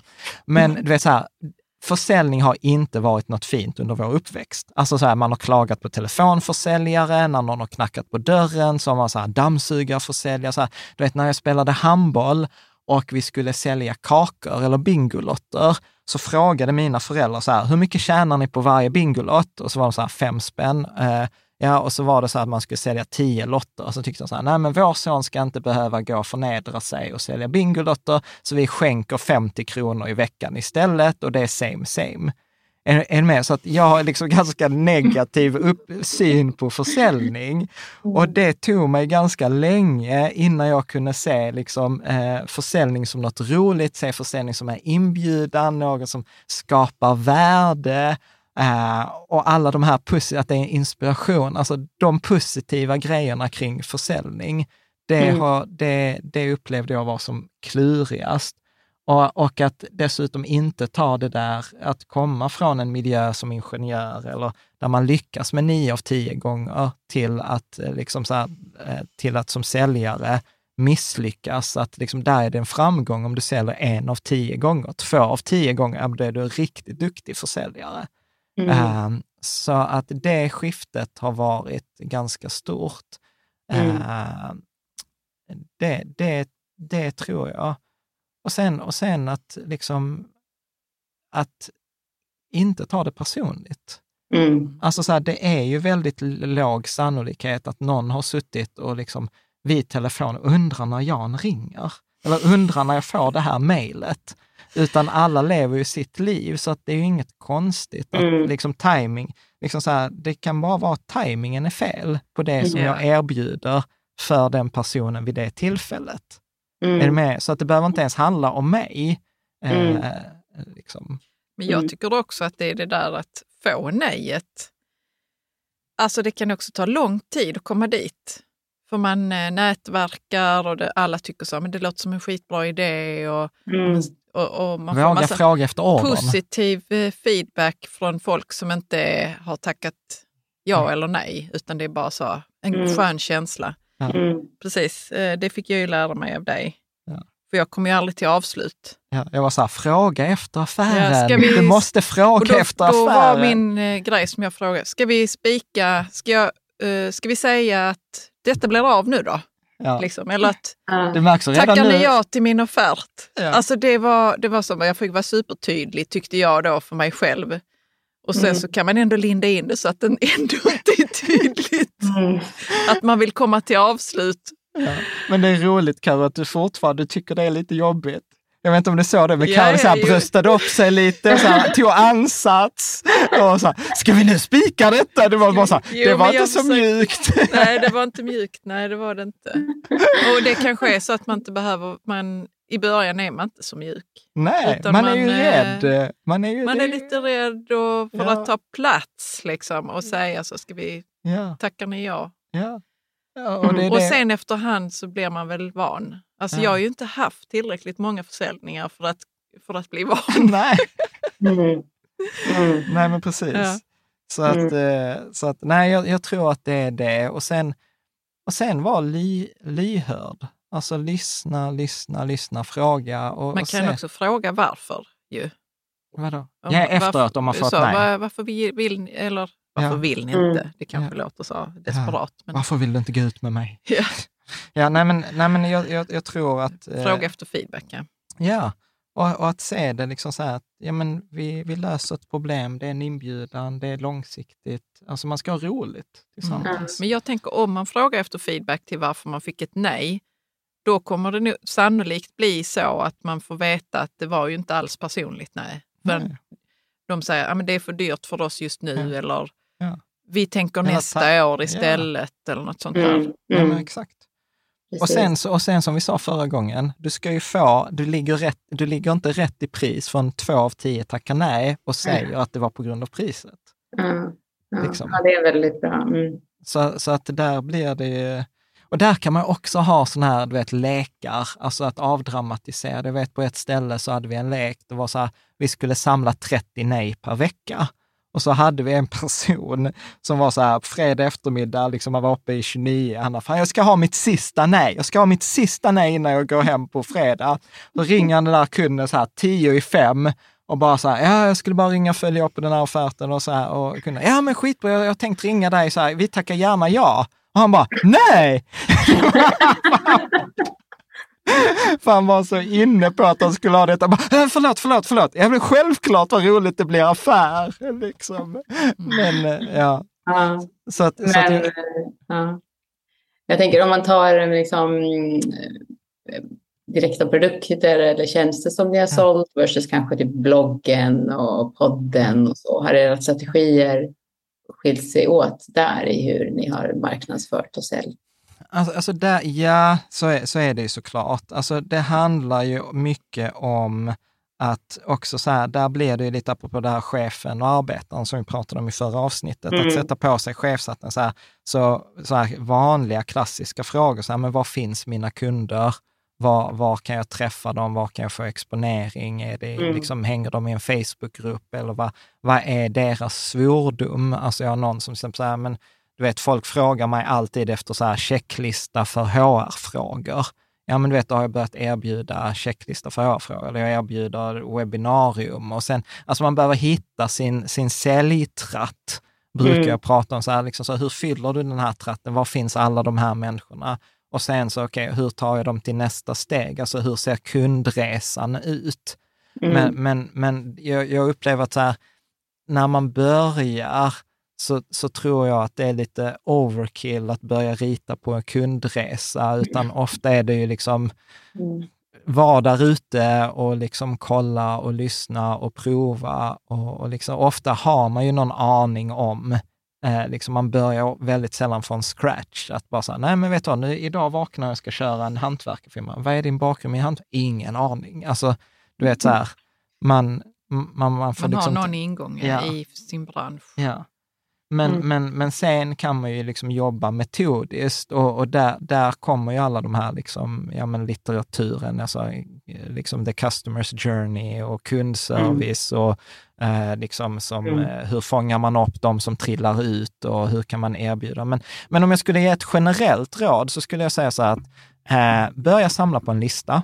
Alltså så här, lista med kunduppgifter. Alltså börja, börja med en lista så att du i alla fall samlar in e-postadresser eller du samlar in följare eller så att du har liksom en kund, liksom bas, så Mm. någon som du kan skicka ut ditt budskap på. Mm. Och, och har man inget, ja men du får börja i sociala medier, testa dig fram. Liksom. Mm. Eh, det, det, det skulle jag väl liksom eh, säga. Och, och sen kan man ju också, finns det ju olika strategier. Att, jag menar, har du något eh, ämne, alltså till exempel så här, jobbar du på en svamprestaurang, ja men du vet så här, ja det är min dröm. Ja men du vet, det finns en grupp på Facebook som heter Svampklapp.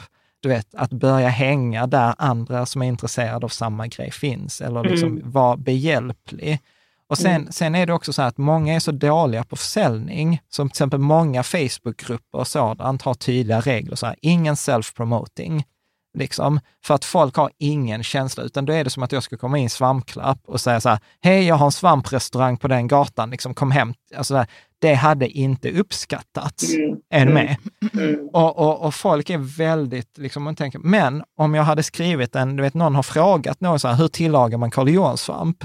Om jag då i den texten skriver så här, men du vet, så här, det bästa sättet att tillaga Karl Johan-svamp är så här, du vet, när vi, i min restaurang där jag driver, där vi fokuserar på svamp, där har vi lärt oss de här tricken, hur du kan göra så här, liksom skivar du den eller så här rensar du den. Alltså det är ju att skapa content, John. Ja, då är det ingen som kommer, ingen administratör som kommer att säga så här, nej det där är ett skitdåligt inlägg för att de promotade sig själva. Är du Mm. med? Mm. Och, och, och, och, så, och det är det där som jag liksom har, eh, liksom, brukar säga, var behjälplig och sälj samtidigt. Men Mm. folk blir liksom det som, alltså om jag ska överdriva och bli vulgär, så upplever jag att de flesta som säljer är så här att man, man gillar inte sälja, man är lite rädd för att fråga efter, så man laddar upp lite som du gjorde, Karo. Och sen kommer man in på diskot och så är det som motsvarande, liksom så här, någon som vill knulla. Du vet. Och, och så har man liksom laddat upp för det där. Och sen blir man förvånad att folk bara, vad fan var det för något? Liksom, man, har inte, man har inte bjudit på någon drink, man har inte pratat, Nej, man, exakt. har, man Nej, har liksom man har inte inte ska... erbjudit liksom vem man är eller Nej, vilket man- värde man kan tillföra.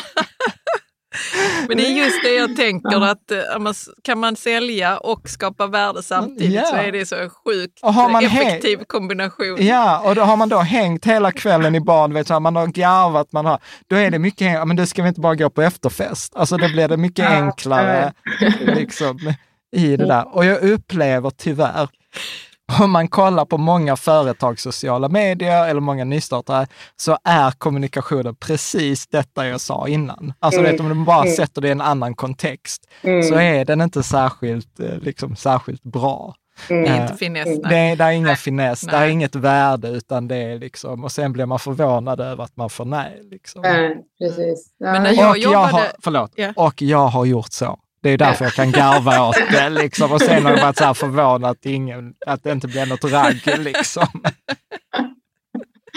Men när jag jobbade mycket mer eh, med kommunikation och, och sådär så, var, så hängde jag ju bland kommunikationsmänniskor Ja. fysiskt. Liksom, och, eh, och, eh, och då fick jag liksom hålla föredrag och sådana saker för deras kunder. Ja. Och så fick jag uppdrag på det viset. Så det var ju att jag gav värde till, till de som ville hänga på det här kommunikationscentret. Eh, och sen så tyckte de så här, men det var bra, det kan vi också, vi vill också ha en kurs av dig. Ja. Så att jag sålde samtidigt som jag, skap, som jag gav dem ett värde. Här, de här verktygen kan ni använda och ni kan använda dem på detta viset och i de här sammanhangen. Ja. Lycka Mm. till! Och, och, Mm. och så här 15 år senare, det bästa sättet som jag brukar rekommendera, så här, när man är, när man är så här expert level shit, Mm. Då, då är frågan man ställer sig så här, vem har glädje av att jag hjälper deras kunder? Det, det är liksom den bästa. Det är en sjukt svår fråga. Kan du ta något exempel då? Men om vi tar till exempel, om jag jobbar med massage, till exempel, så då kan jag försöka sälja till enskilda personer. mycket bättre att sälja till en arbetsgivare, för en arbetsgivare är mån om att eh, hens personal mår bra. Och kan jag sälja in mina massagetjänster till arbetsgivaren, så kommer sen arbetsgivaren sälja in mig till sina medarbetare. Och plötsligt så har jag liksom en stor kundgrupp i, hos, de, eh, hos Mm. den arbetsgivaren. Ja. Eh, Förlåt mig. vad, vad? Nej, jag bara... Du tog metaforen vidare. Nej, vi får klippa. Nej. Men jag är fortfarande kvar i det där andra. Ja. Nej, men till exempel så här, om eh, hur vi gjorde eh, till exempel eh, när jag jobbade på Balansekonomi som var ett utbildningsföretag, då höll vi ju föreläsningar om privatekonomi, Charlie Söderberg, vi hade Oscarsteatern i Stockholm och fyllde så. Och då var vi alltid så här, hur hittar vi 500 personer som vill gå på en föreläsning? Ja, och då Mm. var det så här, till exempel, vi kom på så här, men unionen, detta ligger i unionens intresse, att deras medlemmar får en bättre ekonomi, att de får mer självförtroende när de liksom förhandlar, när de är på sin arbetsplats, etc. Och då pratade vi med Unionen och så sa vi till Unionen, så vet du vad, vi kan hålla en gratis föreläsning för era, för era medlemmar. Och så hade vi en kväll då vi liksom fyllde Oscarsteatern i Stockholm med 500 personer som var medlemmar i Unionen. Mm. med? Och då fick vi ju möjligheten, liksom, precis som Karo säger, vi höll en föreläsning på två timmar som skapar jättemycket värde, för de blev ju jätteglada, de som var där. Vi fick Mm. möjlighet att sälja våra utbildningar och Unionen var sjukt tacksamma för att de hade fått en aktivitet, för deras problem var ju så här, vad ska vi ha för aktiviteter för våra Vad ska vi medlemmar? göra för våra Så att medlemmar? de ska tycka att det är värt att vara med i facket. Mm. Är du Mm. med? Så att man liksom, det är som att spela biljard. Så istället för att skjuta bollen direkt liksom i hörnhålet så studsar du det på sargen och, Mm. och får hjälp. Det, det är ett svårare sätt att sälja, men det är mycket mer hävstång i Mm. det sättet. Liksom, Mm. vems kunder har glädje av min tjänst? Mm. Det är en sån där Ja, det är väldigt... eh, bra fråga. Liksom. Mm. Mm. Eh, Blev det, fick ni många från den föreläsningen? Ja, ja, ja, absolut. Alltså, det, vi, vi hade, vi, eh, sista året på balansekonomi när jag slutade eh, där och innan vi gick från, nu gör ju balansekonomi bara digitala event, eh, men då hade vi 303 live-event i Sverige på, tre, på ett år. Oj. Så, så Ja. att eh, jag var ju knappt hemma. Jag hade, tror jag hade Mm. 150 resdagar om året. Då, Ja. att, och då var det också så här, okej, det var jättekul att resa under ett tag, men sen var inte det ett rikt liv, varken för mig eller för Charlie, eh, Mm. som gjorde det. Och då Mm. bytte vi återigen, Mm. liksom så här, förändrade bolag. Att, att inte glömma bort, särskilt för de som har haft sitt bolag ett par år, att när man startar sitt bolag och tycker det är jättekul, men sen någonstans längs vägen så blir det att istället för att företaget finns där för att jag ska ha kul och må bra, så blir det att jag är till för företaget. Mm. Och liksom det blir som att företaget blir en egen organism som håller mig i ett koppel. Och Det är drar- väldigt vanligt, ja, tror jag. Man kan Eh, bli Mm. eh, styrd. men, men, men eh, liksom, så att där är det liksom viktigt att liksom komma tillbaka till vad, vad vill jag? Vad är det som är viktigt för mig? Mm.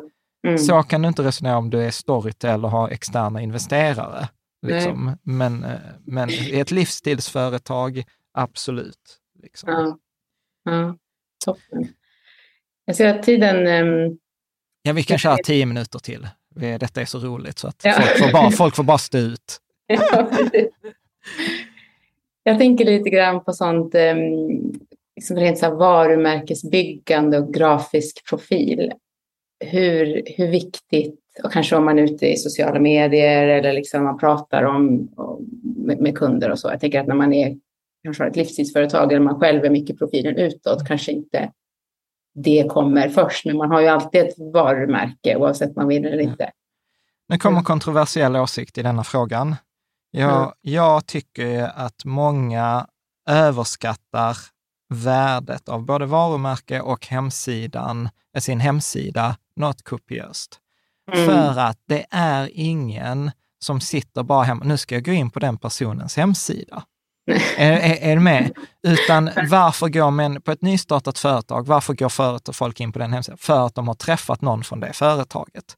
Är du med? Eller för att de har fått någon input. Och, och då påstår jag att många gånger, för att apropå, spara pengar etc., du vet så här, bara länka det till någon, alltså någon enkel sida med kontaktuppgifter, eh, alltså väldigt, väldigt enkelt. Lägg Mm. inte pengar. Alltså Mm. för att ska du ha en bra hemsida, du vet, det, det kostar kanske 20 000 om det är billigt, om du till och med använder utländsk, eh, liksom utländska kunskaper som vi pratade, Upwork eller så här. Och då är det mycket bättre att du är ute och säljer mm. och, och liksom träffar. Och för de dina första kunder så kan jag nästan garantera att din hemsida kommer inte spela någon roll, mm. utan mm. det är du som spelar roll. Mm. Eh, liksom. Och samma sak, folk, ja visitkort. Jag var så här, vem fan använder visitkort idag? Det är så här, connecta på LinkedIn eller skicka, dela ditt kontaktkort i telefonen. Mm. Alltså så att jag, jag, tror mycket på det här bootstrap. Eh, ja. jätte, så här, du kan inte driva Storytel utan ett varumärke. Nej. Men, men, men liksom det, det börjar där i början, utan då tror jag att det är viktigare att ställa sig frågan så här, vilket varumärke har jag? Jag som person. Vad mm. tänk, alltså så att man applicerar hela det här varumärkesgrejen mm. på en själv. Och, och, och då, då gillar jag den enklaste frågan är så här, hur låter snacket om mig när jag inte är där? Mm. Det blir ju i, i, sin renaste form, är det ju något slags varumärke. Vad säger andra om mig när jag inte är med? Mm. Mm. Mm. Och, fokus, och fokuserar man då på att skapa värde så vill du ju ha så här, shit, du vet, den personen hjälpte mig jättemycket, eller den var en trevlig person och du vet, jag fick jättemycket, du vet, jag fick jättemycket hjälp med, med det där. Eller liksom, och då är vi tillbaka på det där överträffa förväntningarna. Mm. Liksom, jag kan ta ett kund, en sån här kundservice-grej. Du vet, så här, jag hjälper en kompis som har, som har en nyhetsbrevstjänst, eh, som är en prenumerationstjänst, som man får betala för. Så var det en som mejlade in och sa, jag har, jag har precis fått barn och sånt, jag har inte råd att fortsätta på prenumeration detta året. Så sa jag till den kundtjänsten, vet du vad, bjud på prenumeration, stryk fakturan och låt dem behålla prenumerationen. En med? Mm. vet, här, jag fick, mm. vi fick tillbaka så här, gud, jag blev nästan tårögd, liksom, tack mm. för att ni gjorde detta. Och då menar jag så här, väldigt enkelt, men du vet, hur kommer snacket om den här prenumerationstjänsten låta runt honom? Alltså han kommer ju vara ett fan, eh, eller mm. hon kommer vara ett fan liksom mm. resten, av, resten mm. av livet. För då är det tänk att, du vet, för de förväntar sig inte mm. att de skulle få det där glaset. Och på samma sätt är det på andra hållet. Är någon missnöjd, du vet, då kommer den ju berätta om det som den personen är missnöjd med för många andra. Mm. Och, och, där tror jag också att många... Man får heller inte vara rädd för att det ska hända, utan man Nej, utan, liksom sin integritet och sina Ja, absolut, men, men liksom. fånga, fånga, upp, alltså mm. fånga upp det. Så att jag tänker mycket mer på varumärke. I ett livsstilsföretag så skulle jag säga att varumärket av en själv som person är mycket, mycket viktigare. Och jag mm. skulle påstå att det gäller upp till de första fem, tio anställda också. Mm. Alltså sen när du börjar ha ordermottagare eller när du blir bra på Google eller sånt, då, då börjar det spela roll hur hemsida ser ut och, mm. och liksom sådant. Mm. Men det är inget...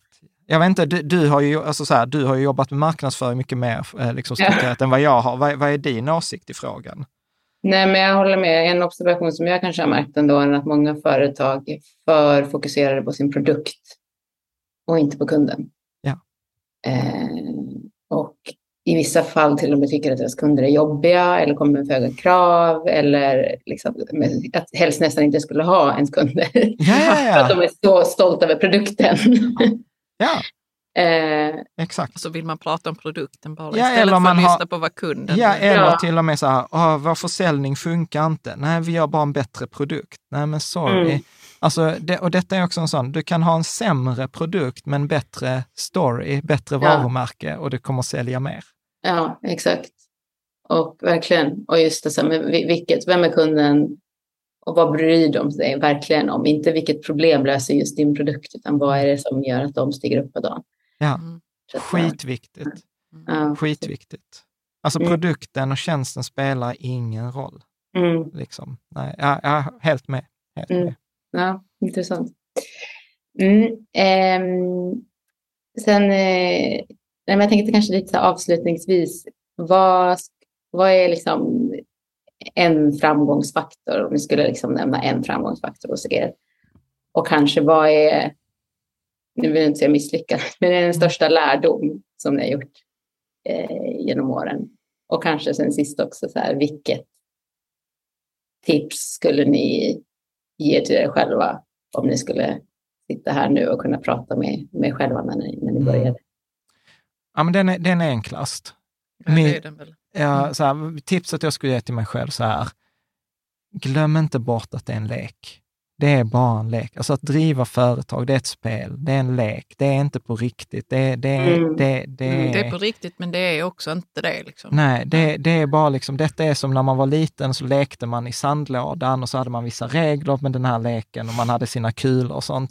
Nu, låt, nu är det fortfarande också en lek. En bolagsstämma är också bara en lek. Vi har hittat på att det ska vara ett protokoll, man ska ring, liksom skicka ut en dagordning innan och den ska ha 12 punkter. Och sen hittar vi på att någon ska just föra protokoll och så ska man ha kostym och så ska det vara någon med en klubba och så ska man prata högtravande så här kan stämman eh, anse att eh, bo, liksom stämman blivit behörigen sammankallad och så ska alla säga ja i kör. Och är det inte någon som säger ja i kör så ska man räcka upp handen och då ska man räkna. Alltså, det är så här, jättemycket regler i den här leken. Ja. Men det är fortfarande bara en lek. Liksom, det är en lek för vuxna. Eh, och, och att det är bara liksom ställningen i den här leken är med pengar. Alltså med, Mm. pengarna är bara liksom poäng, Mm. det, är, det är poängtavlan.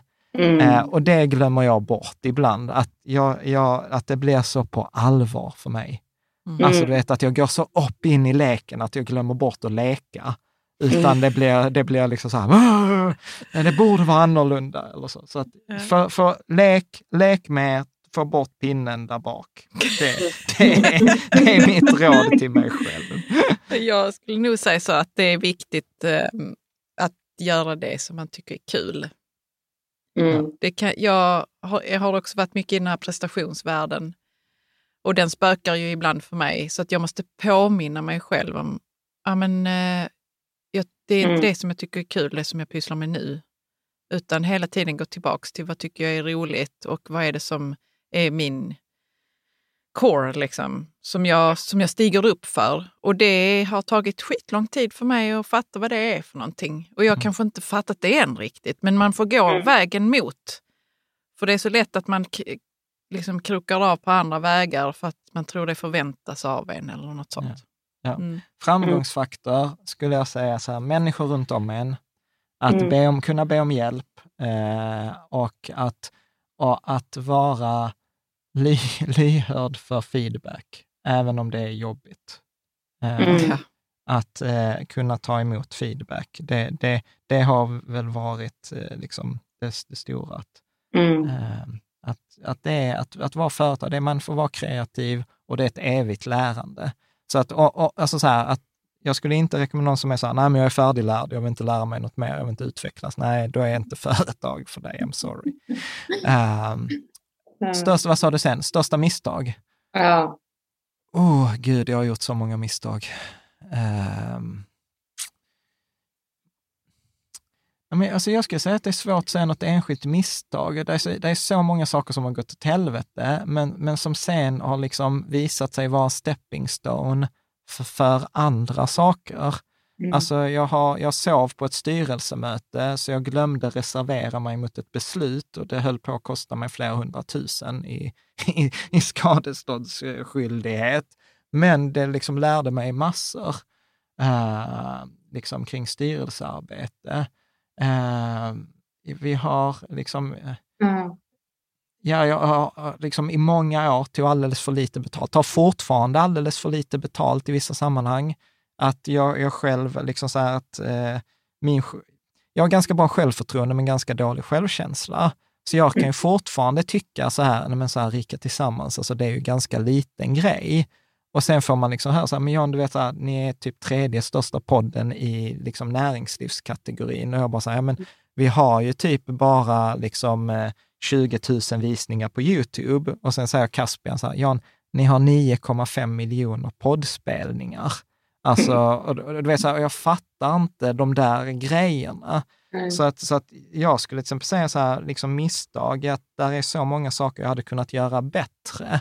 Eh, men samtidigt så upplever jag att det är ju det som är charmen. Mm. Att, att eh, liksom, jag gjorde ett misstag, till exempel här nu i Patreon-communityn, att jag har alltid trott att om jag ska göra en utbildning så handlar det om att hjälpa människor komma igång med sitt sparande.